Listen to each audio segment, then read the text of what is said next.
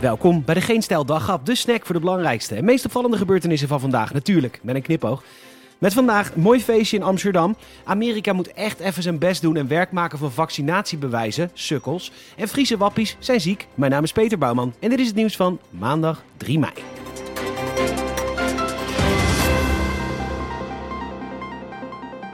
Alle Ajax-supporters van harte gefeliciteerd met de 35e landstitel. En wat was het een feestje gisteren bij de Johan Cruijff Arena. En dat is natuurlijk niet zo handig als het zo vol is in de ziekenhuizen. Maar goed, feestje waar Halsema iedere week hard ingrijpt op het Museumplein en bij warm weer in het Vondelpark, is er gisteren besloten dat niet te doen. En die mensenmassa is misschien nog wel te begrijpen. Geloof me, iedereen wil wel een feestje. Alleen als Rotterdammers hebben wij dat hier gewoon niet zo vaak op voetbalgebied. Maar die spelers hebben natuurlijk wel een voorbeeldfunctie.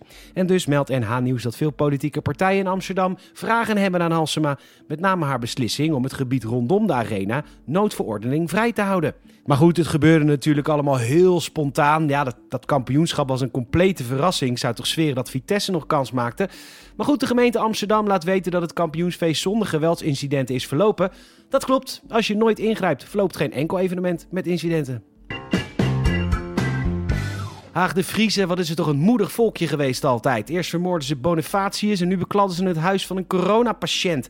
En niet zomaar een coronapatiënt, eentje die is opgenomen in het ziekenhuis. Mocht de bewoonster het redden en thuiskomen, dan komt ze thuis met een beklad raam met COVID is fake.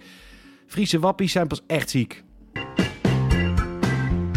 Och, wat heerlijk. Je zit thuis, het land zit in lockdown. Sportscholen en ook klimwanden zijn pot en pot en pot dicht. Nou, dan ga je toch lekker klimmen in Nepal op Mount Everest. Dat kan dus gewoon, maar inmiddels loop je dan wel behoorlijke risico's op COVID. En dat is niet heel lekker als je een berg aan het beklimmen bent. De lucht is daar eiler, je longen moeten harder werken en dan is corona echt super vervelend. Dokters op het basiskamp onderaan de berg mogen geen PCR-testen uitvoeren bij klimmers met symptomen. Want we hebben allemaal van Donald Trump geleerd: meer testen is meer positieve gevallen. En daar is geen spel tussen te krijgen, natuurlijk. Ondertussen heeft de regering van Nepal het luchtruim dichtgegooid voor alle internationale vluchten. Nou ja, alle. Er is één uitzondering: twee keer per week vanuit Delhi. Je weet wel, daar in uh, India, waar het zo uh, lekker gaat. En uh, ik oordeel wel, dat is fucking dom natuurlijk. Ondertussen ontkent Nepal dat er ooit corona is geweest op het basiskamp onderaan de berg. Want ja, nooit getest. Dus wil je lekker klimmen en gegarandeerd niet getest worden op corona? Ga naar Nepal. Dat kan helaas niet meer van het Nederland. Want de KLM vliegt inmiddels een week lang niet meer op Delhi. Groot nieuws vanuit de Europese Commissie vandaag. Want zij willen toeristen die zijn ingeënt weer toelaten. De Telegraaf meldt dat de huidige criteria, die al vanaf vorig jaar zomer gelden, te streng zijn. Nu steeds meer mensen binnen en buiten de EU gevaccineerd zijn. Een ambtenaar denkt dat de reisbeperkingen voor zeker 100 landen kunnen worden ingetrokken. Natuurlijk moet er wel een noodrem blijven bestaan voor als het ergens misgaat. En volgens de commissieambtenaar moeten bijvoorbeeld de Verenigde Staten werk maken van een vaccinatiebewijs. Oh, wacht even, Europese Commissie. De VS moet een werk maken van een vaccinatiebewijs. Wellicht nu even een heel klein propje in die mond. Hoe gaat het vaccineren in Amerika namelijk? Ten eerste oneindig veel beter dan hier. En hoe komt dat? Nou ja, als je in Amerika een spuitje wil, dan bel je zelf op naar een priklocatie. Je komt op een lijst, je komt zelf opdagen, je krijgt de prik.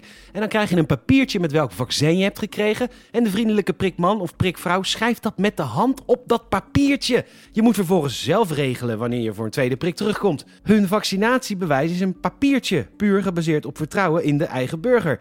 Je hoeft niet te wachten op een brief, burgerservice digi fucking degenwauwel. Maar in Europa en zeker in Nederland wordt de burger 0% vertrouwd. Daar denken ze gelijk, ja, een handgeschreven briefje, daarmee kan gefraudeerd worden.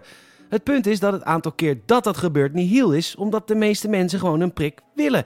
In Nederland moeten we wachten op een uitnodiging waardoor vaccinatieslots vaak niet vol raken. Als we het nu toch eens aan de burgers zelf zouden overlaten. Maar ja, dat kan natuurlijk niet hè. En nu moeten de VS zich in bochten gaan wringen om in dit prutsende werelddeel op vakantie te mogen. Nou, als ik Amerikaan was had ik gedacht, dik doei, stik er lekker in met je kut corona daar. Ondertussen meldt corona beeld dat er 2.010.598 spuitjes in de vriezer liggen. We prikken 100.000 mensen per dag, dus die zijn over 20 dagen op. Schiet lekker op hè. We sluiten natuurlijk af met het weer, want het wordt mooi weer. Nog een paar dagen is het kut weer, maar daarna wordt het echt mooi weer. 25 graden of zo, zegt uh, Weerplaza. Maar eerst nog even regen, maar volgend weekend wordt het echt heel mooi hoor. Ja, tenzij het niet zo heel mooi wordt, maar goed, kutter dan hoe het was kan het natuurlijk niet. Ja, wel. Als ze ernaast zitten, dan wordt het nog kutter. Maar goed, het wordt waarschijnlijk mooi weer. Leuk.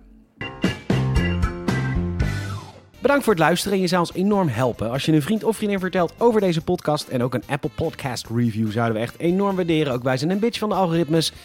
Fijne avond. Tot morgen.